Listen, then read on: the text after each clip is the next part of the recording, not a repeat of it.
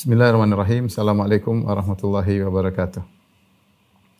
Alhamdulillahi ala ihsanihi wa syukru lahu ala taufiqihi wa amtinanihi wa asyhadu an la ilaha illallah wahdahu la syarika lahu ta'ziman li sya'ni wa asyhadu anna Muhammadan abduhu wa rasuluhu da'i ila ridwani.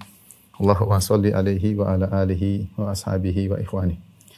Para uh, jamaah ya masjid para jamaah kajian Rohat yang dirahmati oleh Allah Subhanahu wa taala. Ibu-ibu dan bapak sekalian dirahmati Allah Subhanahu wa taala. Pada kesempatan kali ini kita akan bahas satu topik yang sebenarnya merupakan kelanjutan dari rangkaian pengajian kita tentang fikih wanita dan kali ini fikih uh, poligami berkaitan tentang wanita dan juga para lelaki.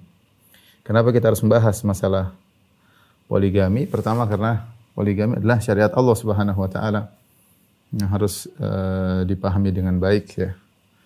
Uh, sehingga tidak disalahpahami terlebih-lebih betapa banyak eh, isu-isu uh, dan kasus-kasus yang atau hal-hal yang tidak enak kita dengar berkaitan dengan uh, poligami. Uh, dan kita tahu di antara agenda orang-orang kafir adalah ingin uh, meragukan kaum muslimin terhadap syariatnya. Ya. Di antara syariat yang mereka sering serang yang berkaitan dengan uh, fikih Islami adalah eh, biasanya tentang warisan ya dan juga tentang poligami. Ini dua dua permasalahan yang sering digembar-gemborkan oleh orang kafir ya. Dan mereka menggambarkan bahwasanya eh, warisan di mana dalam satu kondisi didzakari mislu hadzil unsayain bahwasanya seorang laki mendapatkan dua kali lipat dari wanita padahal itu hanya sebagian kondisi kemudian mereka menggambar-gemborkan ini seakan-akan bahwasanya Islam adalah agama yang tidak adil atau syariat Allah adalah syariat yang tidak adil. Dan yang terpengaruh dengan uh, propaganda mereka ini kebanyakannya kaum hawa, kaum wanita. Karena mereka berada pada pihak yang merasa terzalimi ya. Pada pihak yang merasa terzalimi. Tentu pembahasan tentang ini pembahasan tersendiri ya. Tentang bagaimana adilnya syariat Allah termasuk keadilan dalam masalah warisan. Perkara kedua yang sering mereka angkat dan mereka gembar-gembor masalah poligami dengan tuduhan yang tidak-tidak mereka mengatakan lihat syariat Islam syariat yang zalim kepada wanita di mana seorang laki boleh menikah dengan empat wanita itu yang mereka gembor-gemborkan ya.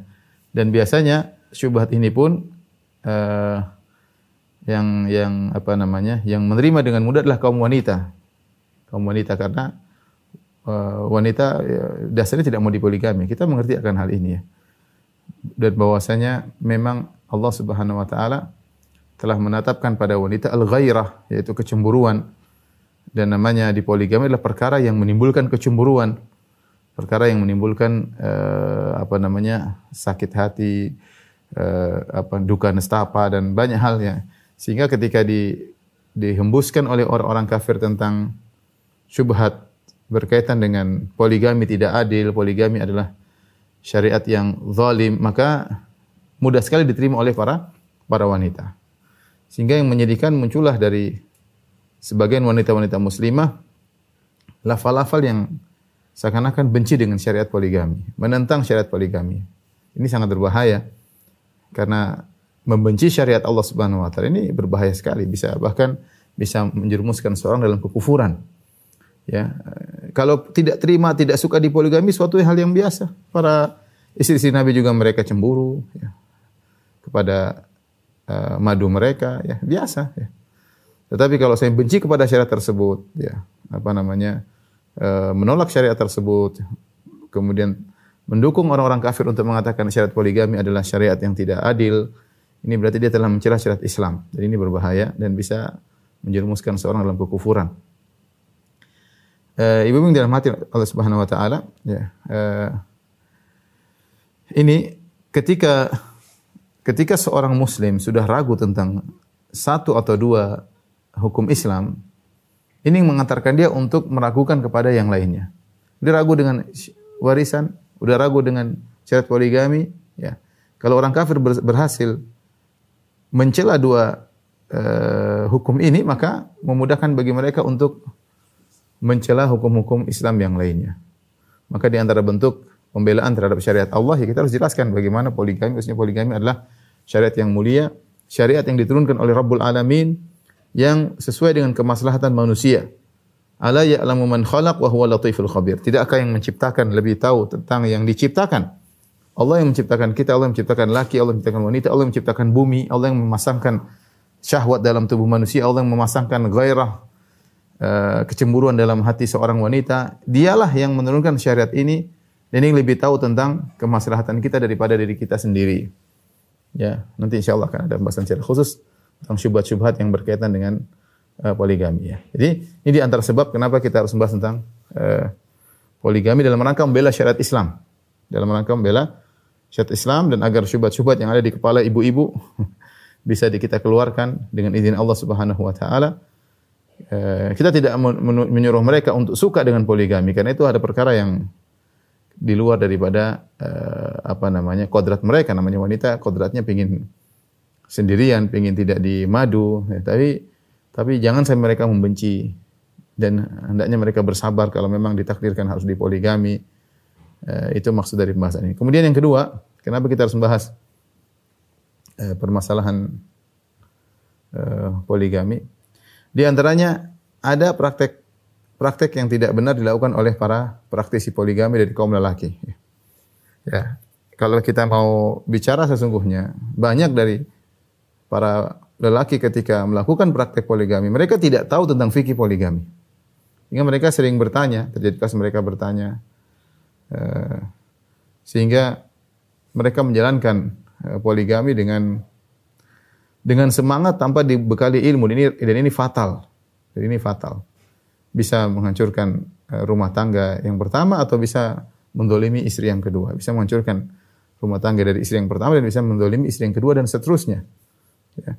Terlebih sebagian laki hanya semangat poligami ya, karena gojlokan teman-temannya, karena dibully sama teman-temannya, dikatakan kamu ganteng percuma, cuma istri cuma satu, atau kamu kaya percuma kaya raya cuma istri cuma satu, macam-macam mereka di atau kadang-kadang ya tadi dimotivasi oleh teman-temannya ya apalagi sering di antara para laki menjadikan uh, joke-joke dari permasalahan poligami banyak ya, ya. jadi uh, jadi bahan bicara para laki. Akhirnya ter, termotivasi tanpa dibekali dengan ilmu. Kalau sesuatu dilakukan tanpa ilmu, ya ini biasanya dampaknya buruk, dampaknya buruk. Bukan karena Allah Subhanahu wa taala, pertama niatnya bukan karena Allah Subhanahu wa taala, yang kedua tanpa ilmu dan ini akibatnya tadi saya katakan bisa terjadi kezaliman kepada istri yang pertama atau bisa jadi kezaliman kepada istri yang yang kedua. Maka hendaknya para laki yang tidak melakukan poligami, maka dia harus belajar tentang fikih rumah tangga, fikul usrah, fikih rumah tangga, eh, tentang kewajiban-kewajiban suami, hak-hak istri itu apa, dan juga fikih khusus berkaitan poligami, tentang bagaimana menjalankan keadilan dalam rumah tangga eh, ketika memiliki istri lebih dari satu. Itu harus dia pelajari benar-benar bagaimana menghadapi kondisi sehingga dia melakukan segala tindakan, segala keputusan dia kerjakan dibangun di atas ilmu syar'i di atas dibangun dibangun di atas ilmu syar'i karena uh, yang membolehkan Anda untuk melakukan poligami dialah Rabbul Alamin. Dialah Allah juga yang menurunkan tentang peraturan dalam berpoligami. Nah, peraturannya harus dipelajari sehingga ketika melakukan praktek poligami tidak asal melakukan seenaknya ya. Kemudian baru nikah sehari dua hari tiga hari berapa sudah cerai sudah keributan besar dan macam-macam ini ini, ini, di antara fenomena yang terjadi ya. Saya termasuk sering didatangi orang para praktisi poligami permasalahan mereka itu wajar ya. Sehingga saya sudah empat atau lima sudah ke sini ke rumah untuk konsultasi tentang permasalahan khusus masalah poligami dan menunjukkan bahwasanya syarat ini syarat yang indah namun pelaksananya tidak semudah yang dibayangkan ya. Taib. Ini kenapa perkara kedua kenapa kita harus membahas tentang poligami karena salah salah praktek dari para lelaki kaum lelaki yang masuk dalam praktek poligami tanpa ilmu ya. Yang berikutnya yang ketiga di antara hal kenapa kita harus membahas tentang uh, poligami di sisi lain banyak wanita-wanita baik yang dipoligami atau yang takut dipoligami uh, ikut apa namanya? ikut uh, memperkeruh suasana ya, ikut memperkeruh suasana ya. Terkadang seorang wanita ketika di poligami, dia ridho. Dia ridho, dia mencari pahala di sisi Allah Subhanahu wa taala. uh, dia ingin membahagiakan suaminya ya. Ya, ketika dia sudah ridha, ya, ternyata keriduan tersebut tidak lama karena ada teman-temannya dari kalangan ibu-ibu yang memprovokasi dia untuk minta cerai misalnya, memanas-manasi dia atau merendahkan dia. Dan ini perkara yang sangat buruk ya. Oleh karenanya di antara dosa besar adalah menjadikan seorang wanita atau merusak hubungan seorang wanita dengan suaminya. Dalam hadis riwayat Abu Dawud yang disahihkan oleh Syekh Albani rahimahullah taala Nabi SAW bersabda, "Laisa minna man khabbaba imra'atan ala zawjiha." Bukan dari golongan kami orang yang merusak hubungan seorang wanita dengan suaminya. Oleh karenanya Al-Hafidz Adz-Dzahabi rahimahullah dalam kitabnya Al-Kabair dosa-dosa besar memasukkan perbuatan ini termasuk dosa besar. Man laisa minna man khabbaba imra'atan ala zawjiha, bukan dari golongan kami seorang yang merusak hubungan seorang wanita dengan suaminya. Apalagi sekedar merusak sudah dosa besar, apalagi saya memutuskan menceraikan. Ya. Dia tahu bosnya di antara program andalan iblis adalah menceraikan seorang laki dari uh, istrinya. Sebenarnya dalam hadis riwayat Muslim inna inna iblis wadha arsyahu 'alal ma' thumma yab'athu sarayahu. Sungguhnya iblis meletakkan singgasananya di atas air kemudian dia mengutus anak buahnya untuk menggoda manusia. Fa'adna uh, fa'adna fa'adnahum minhum manzilatan a'dhamuhum fitnah. Anak buahnya yang paling dekat kedudukan dengan iblis adalah yang paling besar fitnahnya bagi manusia. Fayaji ahaduhum setelah mereka menggoda mereka adalah laporan ada yang berkata di antara setan-setan, iblis saya sudah melakukan demikian-demikian. Kata iblis, la, eh, ba'du belum, kau belum hebat. Sampai datang setan berikutnya, setan berikutnya, iblis mengatakan belum, belum. Sampai akhirnya datang setan berkata, la zalu bihi hatta uh, talaqa zaujatahu atau hatta farraqtu bainahu baina imraatihi. Aku senantiasa menggoda sang lelaki terus aku nguntit dia dan aku terus nongkrong sama dia. Aku membisikannya sampai dia berhasil mencerai istrinya. Dan ini adalah di antara program andalan iblis. Ya. Karena di antara bentuk sihir adalah menceraikan suami dari istrinya. Ya. Eh, wa yata'allamuna minhuma ma yufarriquna bihi bainal mar'i wa zawjih. Dalam surat Al-Baqarah ketika Harut dan Marut mengajarkan ilmu sihir di antara ilmu sihir yang dilakukan adalah untuk memisahkan suami dari istrinya. Wa yata'allamuna minhuma maka orang-orang belajar ilmu sihir dari Harut dan Marut, ilmu sihir yang bagaimana? Ma yufarriquna ma yufarriquna bihi bainal mar'i wa zawji. Yang dengan ilmu sihir tersebut mereka bisa memisahkan seorang suami dari istrinya. Maka di zaman kita ini banyak setan-setan wanita yang kepanasan ya. Meskipun dia berjilbab setannya. Meskipun dia bercadar, tapi dia kesetanan, memiliki sifat setan dan terjebak dalam propaganda setan ya uh, untuk ikut serta dalam menjadi anak buah setan untuk menceraikan seorang istri dari suaminya atau seorang suami dari istrinya.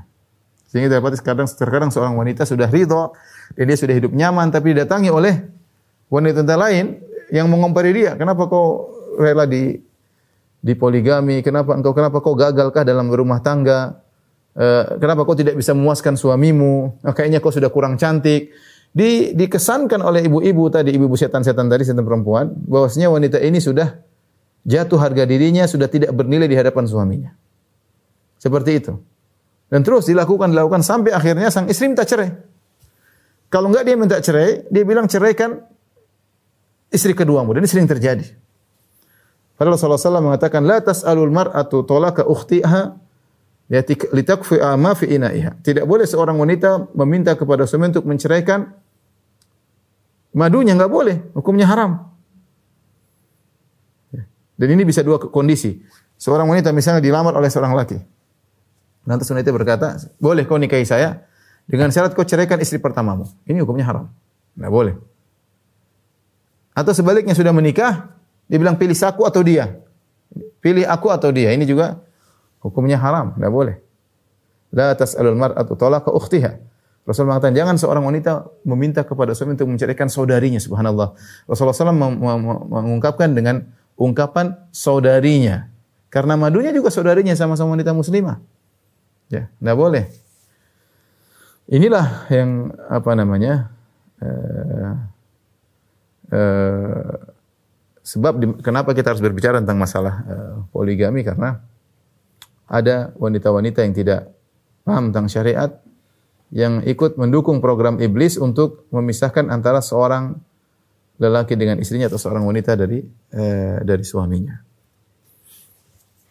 Kemudian kenapa kita juga harus membahas tentang poligami? Perkara yang keempat adalah untuk menanamkan kesabaran kepada para ibu-ibu yang meskipun mereka tidak mau namun Allah mentakdirkan mereka akhirnya dipoligami. Ya. Hendaknya mereka berniat untuk menjalani poligami dengan baik ya. Uh, meniatkan ini semua karena Allah bersabar dengan apa yang Allah takdirkan ya. Dan ini adalah salah satu bentuk uh, perjuangan di jalan Allah Subhanahu wa taala adalah pintu pahala yang besar ya. Uh, sehingga mereka bersabar dalam menghadapi poligami dan mereka melihat sisi positif. Benar sisi negatif ada menurut ada. mereka merasa didolimi, mereka merasa di, berkurang harinya dan macam nanti kan kan bahas ada sisi positif positifnya. Tapi ketika wanita tidak tahu tertutup ya oleh karena ke, ke, karena uh, cemburuan membuat uh, akal mereka tertutup sehingga mereka tidak melihat kecuali pada sisi negatif. Tidak melihat pada sisi positif sehingga akhirnya mereka tidak bersabar. Para ulama menyebutkan bahwasanya wanita yang bersabar ketika dipoligami, dia mendapatkan pahala yang besar. Ya. Uh, sebagaimana disebutkan ya. Uh, dalam satu hadis, yang hadis ini diperselisihkan oleh para ulama. Kata Ibnu Hajar dalam Fathul Bari jilid 9 halaman 325 dia mengatakan hadis ini diisyaratkan oleh sebagian ulama, hadisnya sahih hanya saja ada sebagian rawi yang memang dipermasalahkan. Tapi isi hadis ini ya sebagian ulama mensahihkan, sebagian ulama mendaifkan. Uh, tapi maknanya insya Allah uh, lebih cenderung kepada kebenaran karena ditinjau dari sabarnya wanita. Hadis tersebut bunyinya begini. Inna Allah Ta'ala katabal ghairata ala nisa wal jihada ala rijal. Sungguhnya Allah Subhanahu wa taala mengkodratkan al-ghairah yaitu kecemburuan pada wanita. Dan Allah mewajibkan jihad kepada para lelaki. Faman sabara minhunna imanan wa ihtisaban kana laha mithlu ajri syahid. Barang siapa yang bersabar ya di antara mereka ya bersabar ya, ketika di poligami berhadapan dengan gairah ya, ini berkaitan dengan gairah dia ada kecemburuan, dia sabar. Ya namanya terkadang gairah tersebut keluar tapi tidak melampaui batas. Gairah cemburu itu boleh, tapi yang tidak boleh cemburuan yang akhirnya mengantarkan kepada berbuat zalim dan kemaksiatan. Tapi barang siapa yang bersabar di antara para wanita ketika di poligami, imanan wa ihtisaban, dia beriman dan dia berharap pahala, kana laha mithlu ajri syahid. Maka bagi dia seperti pahala orang yang mati syahid. Ini hadis saya katakan tadi ada khilaf dengan para ulama tentang sahihnya. Uh, ada yang mengatakan sahih, ada yang mengatakan dhaif. Tapi uh, seperti hadis seperti ini, hadis fadail amal uh, selama dhaifnya tidak terlalu parah, boleh disebutkan dalam uh, keutamaan-keutamaan amal saleh. Karena kita tahu bahwasanya kesabaran atau ujian paling berat boleh saya katakan seperti disampaikan oleh para sebagian ulama ya. Uh, bahwasanya di antara ujian paling berat bagi wanita di zaman sekarang ya. Zaman dulu juga sudah merupakan ujian, tapi zaman sekarang di antara ujian paling berat bagi wanita adalah di poligami. Ujian paling berat bagi wanita adalah di poligami. Terutama kita dalam bi'ah, dalam lingkungan Indonesia. Poligami adalah suatu momok yang menakutkan, yang yang, yang, yang mengerikan bagi seorang wanita. Itu wajar, saya bilang itu wajar. Ya. Karena memang kata, tadi kata, kata Nabi, kata Allah al-ghair ala nisa. Allah menetapkan kecemburuan bagi wanita. Wanita cemburu itu sangat sangat wajar. Tidak kuat dengan poligami itu sangat sangat wajar. Kenapa mereka sangat berat diuji dengan poligami? Dari beberapa sisi. Sisi pertama, ya, bahwa memang mereka memiliki sifat gairah, cemburu. Jangankan wanita-wanita zaman sekarang, kita lihat para sahabiat, mereka memiliki kecemburuan. Bahkan sebelum zaman Nabi SAW lihat bagaimana Sarah cemburu kepada Hajar. Sarah cemburu kepada Hajar. Padahal siapa Sarah, siapa Hajar? Dua-duanya wanita solehah. Ya. Siapa Sarah, siapa Hajar? Dua-duanya wanita solehah. Tapi ketika kecemburuan sudah mendominasi mereka, terkadang mereka tidak bisa berpikir dengan jernih. Ini itu wajar. Sama seperti laki-laki kalau lagi marah, tidak bisa lagi marah, tidak bisa berpikir dengan jernih. Sehingga melakukan apa yang mereka lakukan. Ini laki-laki. Wanita sulit untuk berpikir dengan jernih ketika dia sudah ditutup dengan gairah, ditutup dengan kecemburuan. Ini terjadi pada wanita-wanita solehat. Lihatlah kepada siapa? Kepada Sarah yang cemburu kepada Hajar. Lihatlah kepada istri-istri Nabi SAW bagaimana kecemburuan Hafsah kepada Aisyah, bagaimana kecemburuan Aisyah kepada kepada apa Sofiyah, bagaimana kecemburuan Aisyah kepada Zainab, bagaimana kecemburuan Aisyah kepada Ummu Salamah radhiyallahu taala anhunna. Kecemburuan terjadi di antara mereka, ya.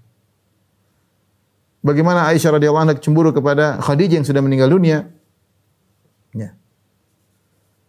Uh, jadi memang yang membuat mereka sulit untuk bersabar karena memang ini suatu hal yang sudah terpatri dalam diri mereka adanya kecemburuan. Yang kedua, lingkungan yang membuat uh, kondisi semakin teruk ya, semakin sulit adalah lingkungan. Saya sering sampaikan, kalau kita berbicara lingkungan kita, ibu-ibu di Saudi misalnya, yang di situ poligami adalah hal yang biasa. Maka ketika ibu-ibu di poligami, dia masih bisa sangat bersabar. Kenapa dia masih sangat bisa bersabar? Karena memang masalah poligami adalah yang dia dia jalani sejak kecil. Dia sendiri mungkin adalah putri dari istri ketiga bapaknya. Dia mungkin sendiri adalah putri dari ke, istri ketiga bapaknya. Kalau dia menentang poligami, kalau dia merasa poligami tidak ada, harusnya dia tidak muncul di atas muka bumi. Dia sendiri produk poligami. Dia sendiri produk poligami. Sehingga poligami adalah hal yang biasa. Dia punya uh, ibu apa namanya istri-istri bapak yang dia kenal sejak kecil. Dia punya saudara saudara saudari se sebapak ya. Ibunya beda. Itu hal yang biasa di Arab Saudi. Ini saya ceritakan karena saya pernah di sana jadi hal yang biasa masalah apa namanya uh, poligami. Sehingga kalau seorang wanita di poligami suatu hal yang biasa. Ketika dia nikah saja dia sudah tahu bahwasanya dia akan mungkin dipoligami di kemudian hari. Kemudian dia tidak tidak ada merasa terhina sama sekali. Kenapa? Karena teman-temannya juga dipoligami. Temannya itu si fulana, si fulana juga dipoligami. Ya. Jadi kondisi membuat poligami adalah hal yang biasa, membuat wanita lebih mudah untuk bersabar. Bahkan eh, saya dengar apa namanya eh, sebagian teman cerita eh, ketika ada salah seorang ingin poligami, ibunya sudah tua dan bapaknya ingin poligami lagi, bapaknya diskusi sama anak-anaknya. Anak-anak saya Abi mau poligami lagi. Gimana? Ya, kita carikan Bi. Ya, anak-anak carikan. Anak carikan buat apa bapaknya? Tidak bersekutu dengan ibunya, kemudian ribut menyerang bapaknya. Tidak, mereka ngerti perkara biasa. Anak-anaknya yang nyarikan istri buat apa? Bapaknya. Ya, karena mereka ngerti syariat dan mereka terapkan. Ya. Sehingga kondisi sangat sangat sangat wajar di eh, di sana. Ya. Sehingga poligami eh, biasa. Sehingga ketika wanita di poligami dia sedih. Mungkin dia marah, tapi tidak tidak merasa terhina, tidak malu untuk keluar dengan teman-teman. Di Indonesia beda. Indonesia kalau sudah poligami seakan-akan rendah, hina, mau ketemu teman-teman rasanya kayaknya sudah putus asa, kayaknya tercoreng wajahnya dengan kotoran dan macam-macam. Belum lagi tadi setan-setan perempuan yang memprovokasi dia untuk minta cerai dan yang lainnya. Ya. Kemudian eh, dan sebagian daerah seperti itu. Tadi saya sempat lihat video, the clip. Eh, di Senegal kalau tidak salah seorang lelaki dipukul oleh mungkin kepala suku, lelaki dipukul oleh kepala suku. Kenapa? Dia sudah 10 tahun menikah. Setelah lewat 10 tahun, dia tidak poligami. Setiap bulan dia dipukul sekali. Dipaksa untuk poligami. Jadi kondisi membuat sampai ada dipukul apa disebutkan situ karena sudah lewat 10 tahun dia menikah dan belum punya istri lagi. Di sebagian daerah Afrika seperti itu bahwasanya orang tidak poligami adalah suatu kerendahan, suatu kehinaan, bahkan dipukulin oleh kepala suku ketika itu. Ya, saya baru kaget juga lihat. Kalau saya yang kalau saya yang pernah hadapi teman-teman cerita, teman-teman saya waktu kuliah, mereka orang Afrika, mereka mengatakan demikian. Kata dia Firanda, di, di Afrika kalau seorang sudah menikah, tidak poligami itu rendah. Lelakinya itu dianggap rendah. Entah kamu dikatakan lemah syahwat, entah kamu tidak dikatakan tidak jantan, entah kamu pokoknya dikatakan kamu eh, rendah lah. Orang melihat kamu rendah. Jadi harus apa? Poligami. Teman-teman kita di sana rata-rata poligami. Rata-rata poligami. Makanya saya punya teman ada waktu sama saya kuliah hadis S1, Kemudian dia pulang ke negerinya, orang Niger, orang Niger. Ada ada Nigeria, ada ada Niger. Nigeria ada ada Niger. Teman kita orang Niger. Orang yang kecil-kecil aja, tidak terlalu tinggi. Eh, ketemu ketemu lagi hajian, dia bilang, "Firanda, istrimu ada berapa?" Saya bilang, "Satu." Kamu S3 masih satu. Sudah dokter masih satu. Saya S1 istri tiga, Masya Allah. Jadi dokter, dokter, dokter istri.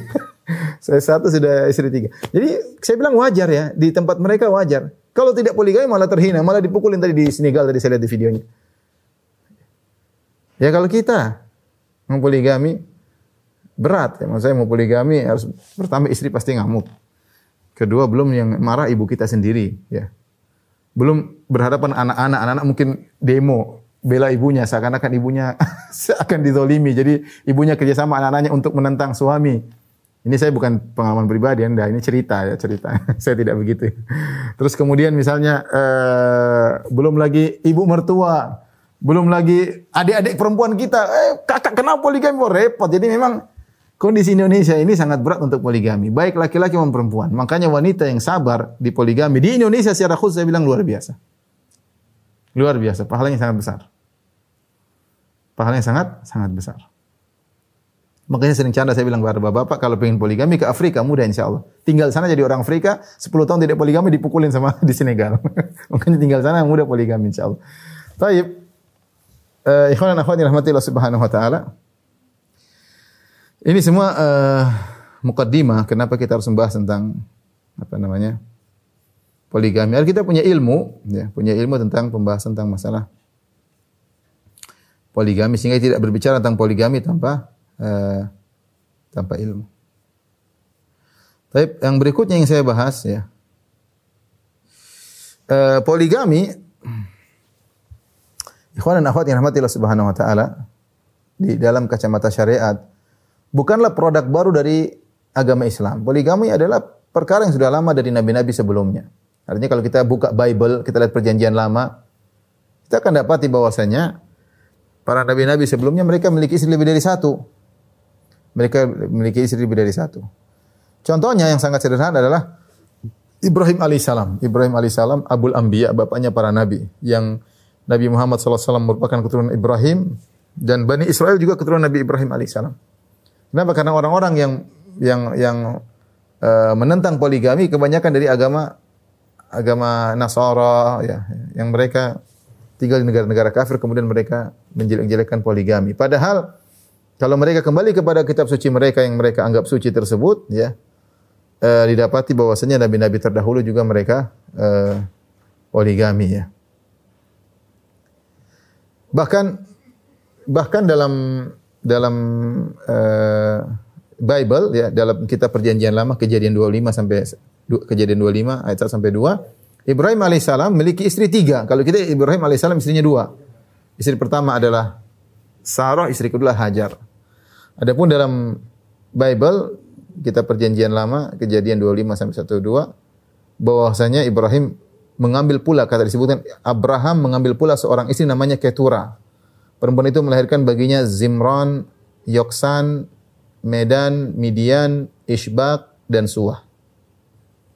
Jadi dari istri ketiga melahirkan enam anak. Jadi dari sini tahu bahwasanya Ibrahim menurut banyak ulama memiliki istri tiga, bukan cuma dua istri tiga. Sarah, Sarah, kemudian dari Sarah punya anak uh, Ishak, dan Ishak dan apa dari Ishak kemudian lahir Yakub dan Isu dari dari Hajar lahir apa Ismail. Jadi Ibrahim punya istri tiga. Tadi kita sebutkan uh, pertama Sarah dari Sarah lahirnya namanya uh, Ishak, kemudian Hajar dari Hajar Ismail, kemudian dari Ketura anaknya enam, Zimran, Yaksan, Medan, Midian, Isbak dan Suah. Jadi istrinya tiga. Jadi poligami. Taib. Ibrahim. Setelah Ibrahim Ishak. Ishak punya anak di antara Yakub dan Esau.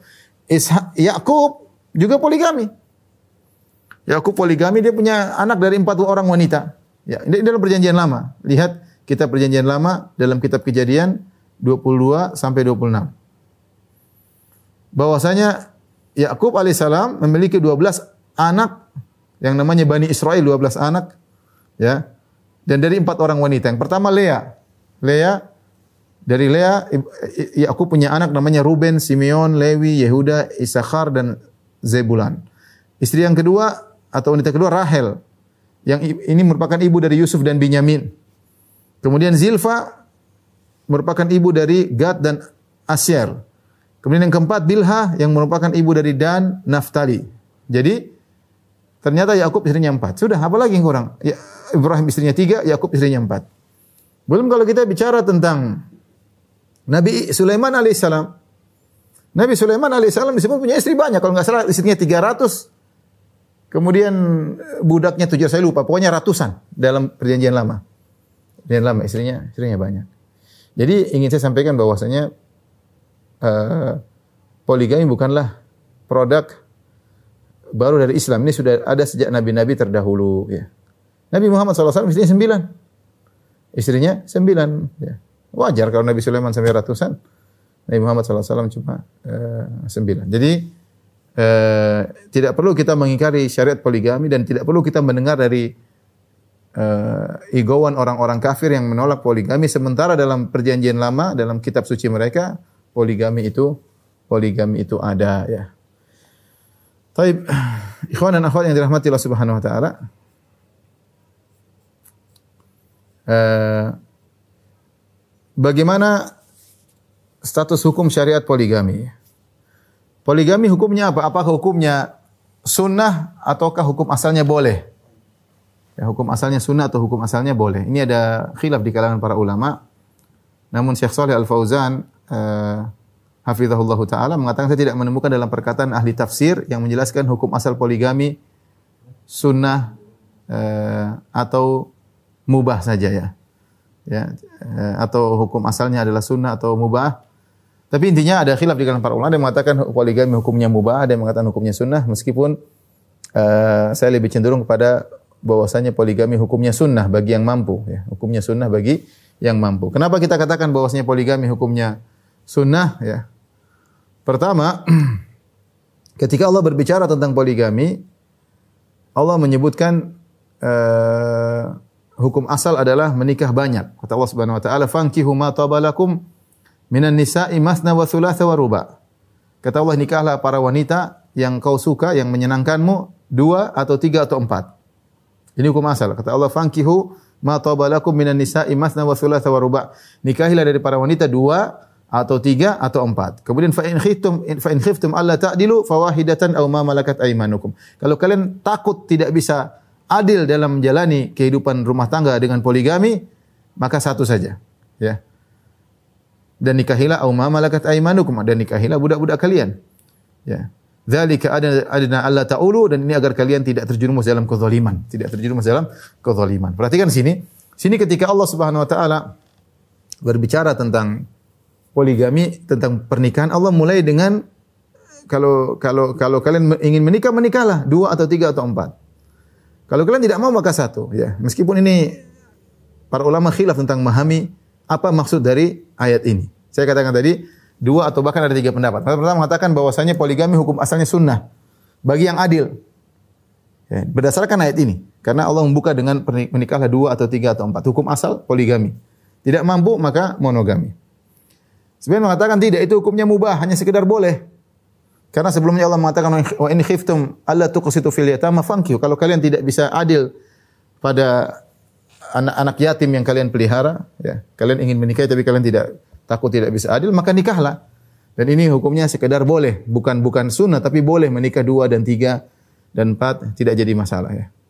Sebagian mengatakan berdasarkan ini, ini, ini didapatkan dalam sebagian ulama Hanabilah bahwasanya hukum asal poligami adalah makruh. Hukum asal poligami adalah makruh. Kenapa makruh?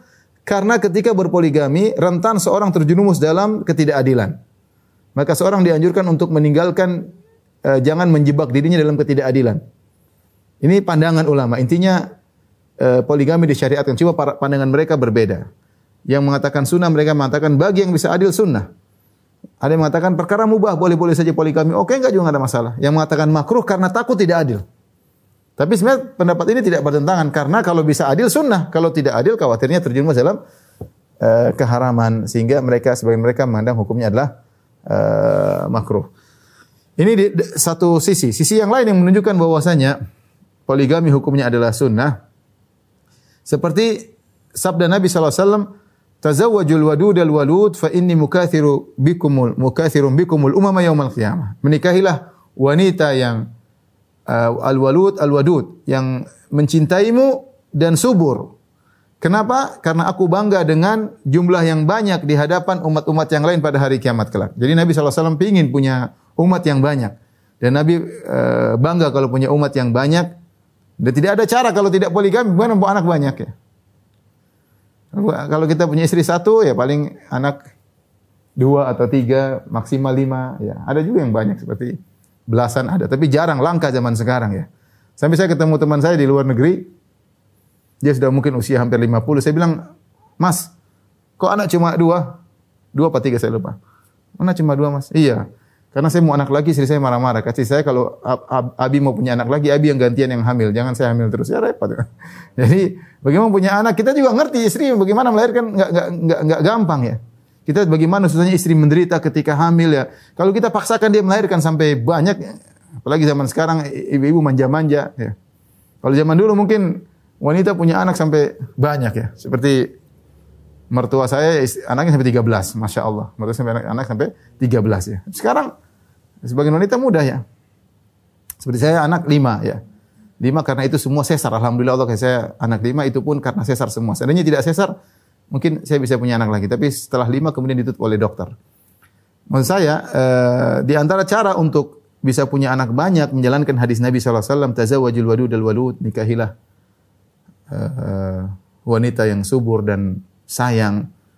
Karena aku bangga punya anak yang banyak pada hari kiamat kelak. Ya. Ini menunjukkan sunnah seorang memiliki istri yang punya anak yang banyak. Kemudian juga sebenarnya mengatakan sunnah. Kenapa? Karena kalau kamu punya anak banyak, kamu poligami, kamu menyenangkan Nabi SAW pada hari kiamat. Siapa yang ingin menyenangkan Nabi? Nabi yang bilang, saya bangga kalau punya anak banyak. Kamu poligami punya anak banyak, kamu didik baik-baik, jadikan anak soleh, menyenangkan Nabi Muhammad SAW pada hari kiamat kelak. Ya, jika mampu melakukan. Jadi poligami hukumnya adalah uh, sunnah. Kemudian itulah praktek para sahabat. Para sahabat mereka eh, rata-rata uh, poligami, rata-rata poligami. Ya. Bahkan seperti mengatakan, kami tidak tahu seorang pun sahabat yang tidak poligami kalau tidak ada uzur. Rata-rata para sahabat poligami. Artinya kalau ada pun yang tidak poligami sangat kecil, sangat sedikit. Rata-rata poligami. Karena mereka menjalankan sunnah Nabi Shallallahu Alaihi eh, Wasallam. Ya. Jadi kalau kita tanya apa hukum poligami, hukum asalnya sunnah tapi bagi yang bisa melakukannya. Yang tidak bisa melakukannya, maka minggir. Makruh atau bisa jadi haram. Yang bisa melakukan cuma laki-laki hebat dan hukumnya sunnah. Kemudian juga uh, Ibn Abbas pernah berkata, "Aktsaru hadhil ummah uh, khairu hadhil ummah aktsaruha nisaan." Laki yang terbaik di umat ini adalah yang paling banyak istrinya, maksudnya Nabi Shallallahu alaihi wasallam. Jadi Nabi mempraktekkan berarti hukumnya sunnah, hukumnya sunnah memiliki istri lebih dari lebih dari satu ya. Dengan syarat bisa adil dan mampu untuk menjalankan roda rumah tangga dengan dengan baik. Baik, kita akan bahas berikutnya. Saya kayaknya akan bagi pengajian dua kali. Insya Allah pengajian berikutnya bulan depan kita akan ke fikih poligami. Kali ini sekarang kita mukadimah mukadimah. Fikih poligami maksudnya tentang hukum mabit gimana, terus kalau safar bagaimana, apakah bagi uh, rumah harus sama modelnya, ataukah mobil harus sama mereknya, ya seperti itu. Kalau beli emas harus sama, kalau berhubungan harus sama satu dengan yang lainnya, ya, dan seperti itulah. Nanti akan kita bahas pada kesempatan berikutnya insya Allah kalau ibu-ibu masih mengizinkan. Kalau sudah mutung hari ini ya sudahlah kita berhenti tidak usah. Tapi kalau ibu masih mengizinkan kita bahas, kita bahas lagi uh, kesempatan yang lain untuk detail tentang masalah fikihnya. Tapi saya ingin bahas tentang saya boleh katakan mukjizat poligami. Kenapa saya katakan mukjizat? Karena syariat poligami ini syariat yang hebat. Saya bukan praktisi tapi saya baca ketika baca tentang ini, saya tidak mungkin Allah menurunkan syariat yang salah. Kita punya Tuhan yang tahu tentang kebaikan hamba-hambanya yang tahu tentang kondisi manusia bagaimana. Apa syariat yang pas buat mereka. Ya, di antaranya syariat-syariat poligami. Saya sering, saya sering ya lihat Berarti datang ke rumah, kadang ada janda datang ke, ketemu istri saya, terus kesulitan, kemudian subhanallah. Kita kasihan lihat apa ibu-ibu atau banyak istri, tapi kita nggak bisa apa, cuma kasihan doang ya. Kasihan doang, nggak bisa apa-apa, paling bantu sedikit, bantu sedikit. Coba kalau ada laki yang menikahinya, yang mengayominya, tentu membahagiakan dia, membahagiakan anak-anak yatimnya. Tapi tidak semua laki mampu melakukannya, tidak semua laki hebat dalam melakukannya. Makanya saya, saya boleh katakan orang yang melakukan praktisi poligami dan dia benar-benar menjalankan karena Allah sesuai dengan aturan, lelaki hebat. Lelaki, lelaki hebat. Lelaki hebat. Saya lupa tadi, kalau di antara kalau kita berpoligami, maka anak banyak banyak mendoakan kita. Banyak mendoakan kita. Saya punya ketemu dengan kawan waktu itu, orang Saudi dia sini. Mungkin sekarang dia sudah istri empat, itu istrinya masih tiga. Saya tanya sama dia, e, kamu anaknya berapa? Dia bilang sekarang atau bulan depan? Loh, kenapa? Kalau sekarang 10, bulan depan 13. Karena istri saya hamil semua dalam bulan depan sudah lahir lagi tiga-tiganya. bulan depan 13 katanya. Masya Allah. Dia bilang, coba kalau kita lagi musafar yang doakan, tiga orang doakan. Tuh, dua, tiga doain. Kita kasih nafkah, 13 orang kita nafkahi. Pahalanya banyak. Menafkahi anak sendiri pahala lebih besar daripada memberi kepada fakir miskin. Daripada anak yatim. Anak sendiri kita nafkahi lebih besar pahalanya. Karena itu kewajiban kita yang harus kita penuhi. Kita didik mereka, bayangkan betapa banyak um, apa otak kita kita gunakan mendidik mereka daripada otak mikir macam-macam. Mikir ini, mikir enggak ada nonton berita yang enggak ada. Coba kalau laki-laki banyak nonton medsos enggak ada kerjaan, karena kurang kerjaan. Coba kalau istrinya tiga, banyak kerjaan. Harus ngurus sana, ngurus ini, ngurus ini, kerjanya semua manfaat. Jadi hari-hari berlalu dengan pahala. Hari-hari berlalu dengan pahala. Taib kita bahas tentang mukjizat poligami. Mukjizat poligami dan secara umum syariat semuanya mukjizat. Ijaz yaitu suatu hal yang menakjubkan yang tidak bisa didatangkan oleh orang lain. Hukum-hukum Allah semuanya mukjiz, semuanya menakjubkan.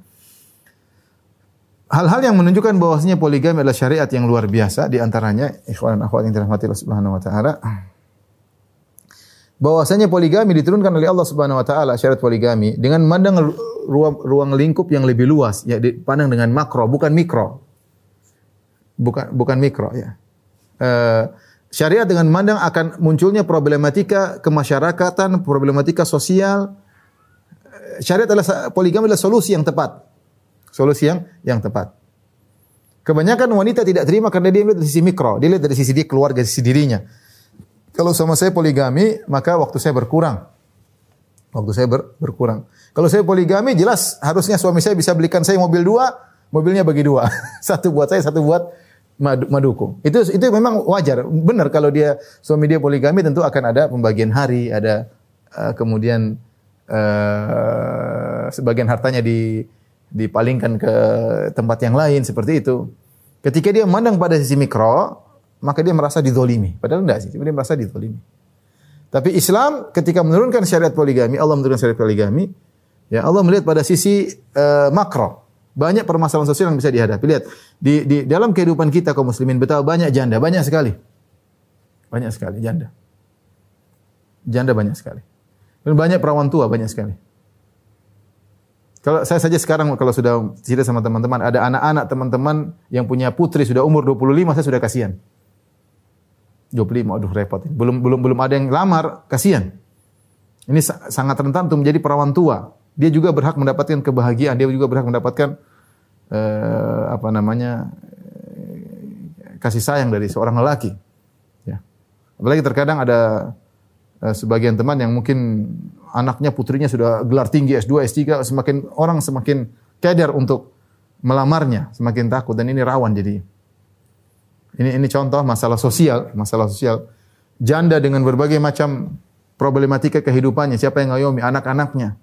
Terkadang harus ngetuk pintu, orang-orang ngemis. Ya kalau dia nakal dia bisa jual dirinya, kalau enggak ya seperti itu. Jualan di pasar, enggak ada ini, enggak ada yang ngayomi, harusnya laki-laki cari nafkah. Kalau kalau di Saudi, di Saudi mereka ada kabilah, sehingga kalau ada janda ada yang ngayomi. Jadi aman. Perawan tua ada yang ngayomi karena mereka punya sunduk, sunduk bersama misalnya kabilah uh, Juhainah misalnya atau kabilah apa uh, Rahaili misalnya nah, mereka punya semacam sunduk yaitu kotak kontak bersa, kotak bersama. Semua orang taruh uang situ. Ini uang ini digunakan untuk mengayomi mereka sesama sama rahim sama kabilah selama kerabat. Jadi kalau ada janda-janda yang susah ada yang ngayomi. Kita di, di tanah air belum. Ya belum. Sehingga kita kalau dengar tentang si fulanah janda kasihan. Ya, kadang-kadang teman istri yang janda kita dengarnya kasihan. Berat ngurusi anak-anak ya. Bagaimana hidup sendiri, ngurusi anak-anak, terus ngurusi sekolahnya, belum ngurusi pendidikannya, belum perkataan orang-orang, belum kalau jajannya cantik digoda-goda orang macam-macam, tapi goda-goda doang nggak berani. Misalnya jadi problematika yang sangat besar. Beda kalau laki yang hebat berani kemudian ngayomi dia selesai urusan. Harga dirinya terjaga, dia ifah, anak-anaknya terayomi, luar biasa. Ya. Maka ini menunjukkan poligami adalah syariat yang mandang secara makro. Secara makro. Makanya di sini ada perdebatan waktu itu ada pertemuan para wanita berbicara tentang poligami. Muncullah berdiri dua orang, yang satu sangat menentang, yang satu sangat mendukung. Debat. Satu menunjukkan sisi negatifnya, ah, kita di poligami lihat kita begini, suami kita begini, suami kita begini. Yang satunya enggak, poligami bagus. Ternyata diteliti, ini istri pertama, ini istri ketiga. Jadi maksudnya status istri ini istri yang ketiga dari dia adalah istri ketiga dari seorang laki dan ini istri pertama dari seorang laki. Dia merasa terdolimi, istri ketiga yang dari seorang laki merasa dia diayomi. Makanya tinggal cara pandang. Kalau cara pandang secara mikro pada pandangan pada istri pertama memang seperti itu. Pandangan itu bahwasanya seakan-akan dia dizolim. Padahal tidak ya. Tapi kalau dipandang secara secara makro bahwasanya kita pandang kaum muslimin sebagai satu kesatuan, bukan sebagai satu keluarga saja, satu kesatuan, maka poligami ini benar-benar adalah solusi, tapi harus dijalankan dengan baik. Belum lagi poligami semakin sulit apa jumlah wanita banyak yang semakin terkatung-katung ketika mulai mulai muncul lagi penyakit-penyakit sosial seperti kelainan seks seperti homoseksual. Laki-laki senang dengan laki-laki. Gimana perempuan siapa yang mau, mau nikahi? Laki-laki punya hubungan laki-laki sendiri. Seperti lihat di luar negeri sana. Ya. Dan ketika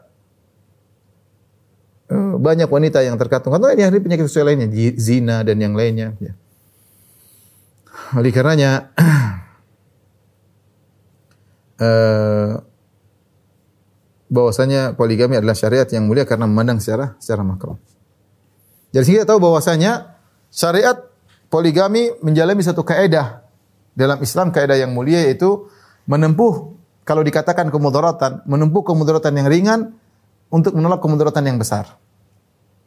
Atau untuk meraih kemaslahatan yang besar. Itu pun kalau dikatakan mudarat. Karena sebagian kita mengatakan mudarat tidak. Tapi sebagian wanita memandang bahwasanya ketika dia di poligami, zawaj alaiha berarti dia dizolimi. Kita bilang kalaupun itu kezaliman, itu harus di, harus dijalanin dalam rangka untuk menolak kemudaratan yang lebih besar. Kalau itu pun kemudaratan akan menolak kemudaratan yang lebih besar. Tadi masalah-masalah sosial akan banyak yang hilang.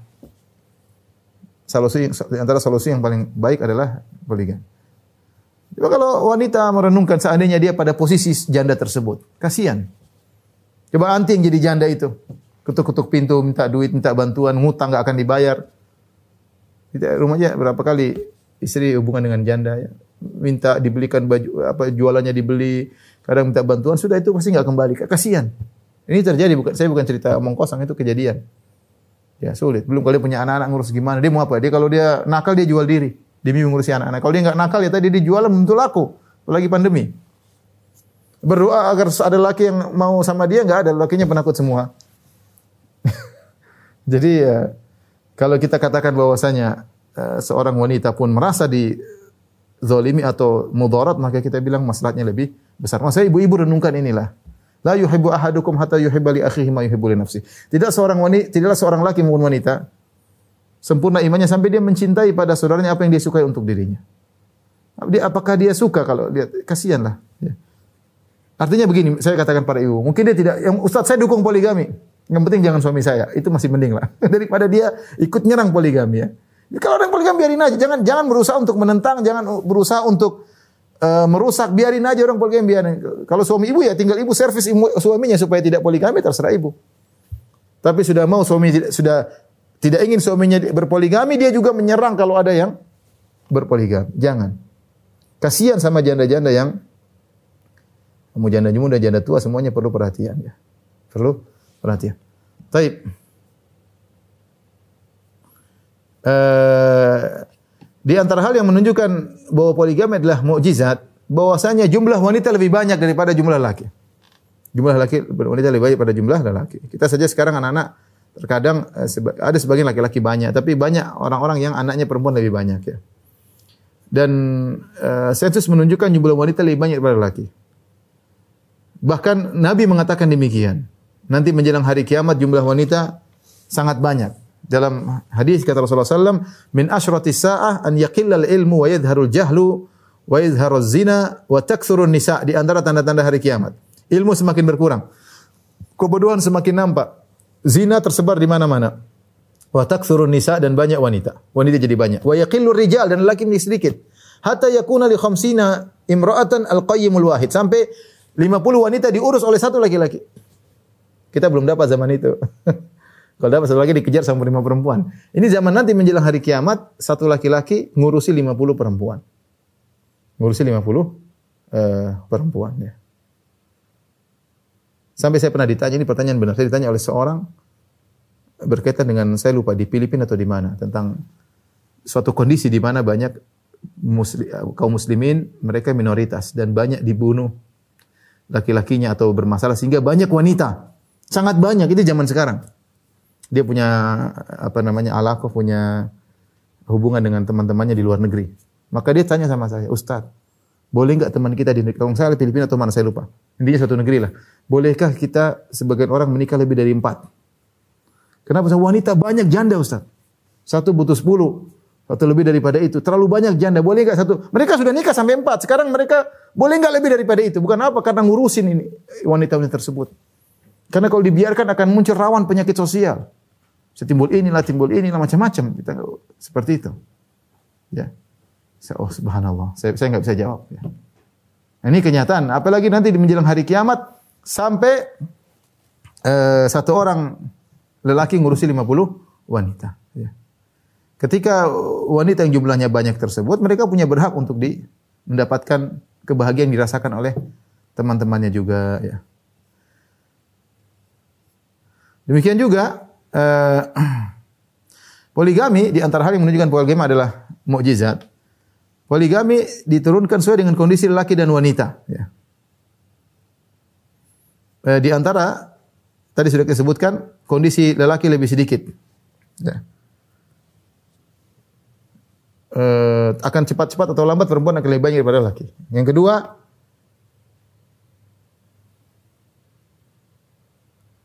uh, bahwasanya lelaki biasanya lebih dulu meninggal. Lelaki biasanya lebih dulu meninggal daripada wanita. Kita banyak janda. Pasti kita aja bicara tentang keluarga kita. Biasanya bapak kita meninggal duluan. Nanti ibu jadi janda. Banyak seperti itu. Bapak meninggal duluan, ibu jadi janda. Eh, pertama itu kenyataan, lebih banyak laki meninggal duluan daripada wanita. Kemudian laki juga pekerjaannya berat-berat, mungkin naik apa kayak naik mobil kayak kemudian apa kayak kecelakaan lah macam-macam kalau ada perang-perang dan macam-macam ya kerja di bahan-bahan kimia menghirup bahan kimia sehingga potensi laki untuk mati duluan lebih besar daripada wanita. Kalau potensi lelaki lebih banyak meninggal duluan daripada wanita akan muncul banyak banyak janda. Berikutnya, kalau wanita sudah dewasa, sudah balik, umur 20 sudah siap untuk menikah. Laki-laki umur 20 nggak siap, takut. 30 pun belum siap, takut. Terus gimana? Yang siap laki-laki sedikit, perempuan banyak. Coba eh, sebagian teman-teman buat apa namanya eh, apa itu hubungan apa namanya? Bukan survei, apa lembaga untuk jodoh, biro jodoh. Daftar akhwat, daftar ikhwan. Akhwat banyak, sudah dua kali lipat, tiga kali lipat. Sekarang ini. Yang ikhwannya di antara yang ini yang berani mungkin cuma 5%. berani cuma 10%, 20%. Ini akhwat semua siap. Ini laki-lakinya nggak siap. Ini kenyataannya. Artinya kita nggak kita nggak bisa menolak bahwasanya syariat poligami adalah syariat yang mukjizat, mengatasi solu, uh, merupakan solusi bagi permasalahan yang yang banyak.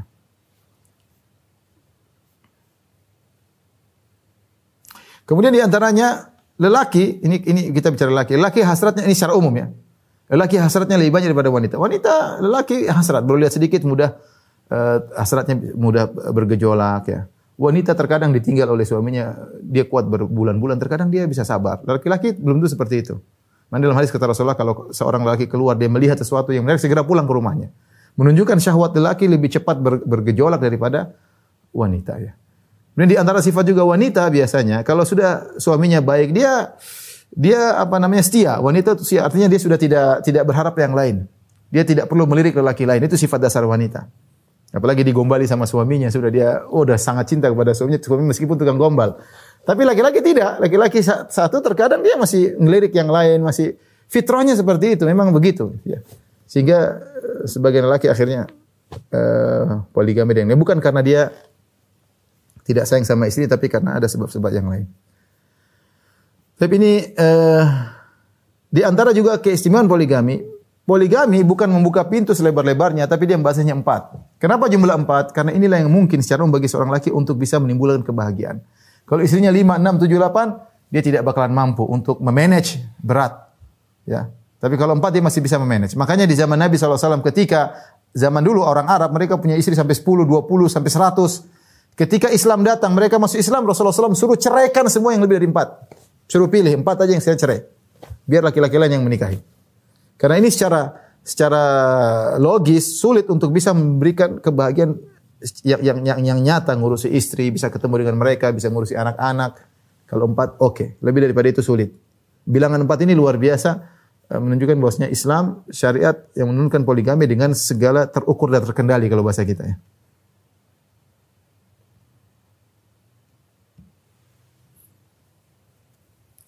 Yang terakhir menunjukkan bahwasanya poligami adalah syariat yang mulia. Tidak semua lelaki boleh berpoligami. Siapa yang boleh berpoligami yang bisa adil.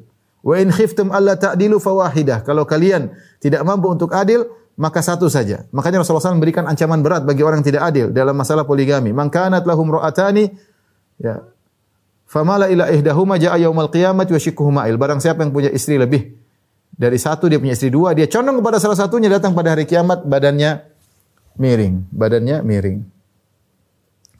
Dan ini adalah uh, menunjukkan tidak semua orang bisa poligami. Makanya laki-laki yang bisa poligami bisa adil hebat.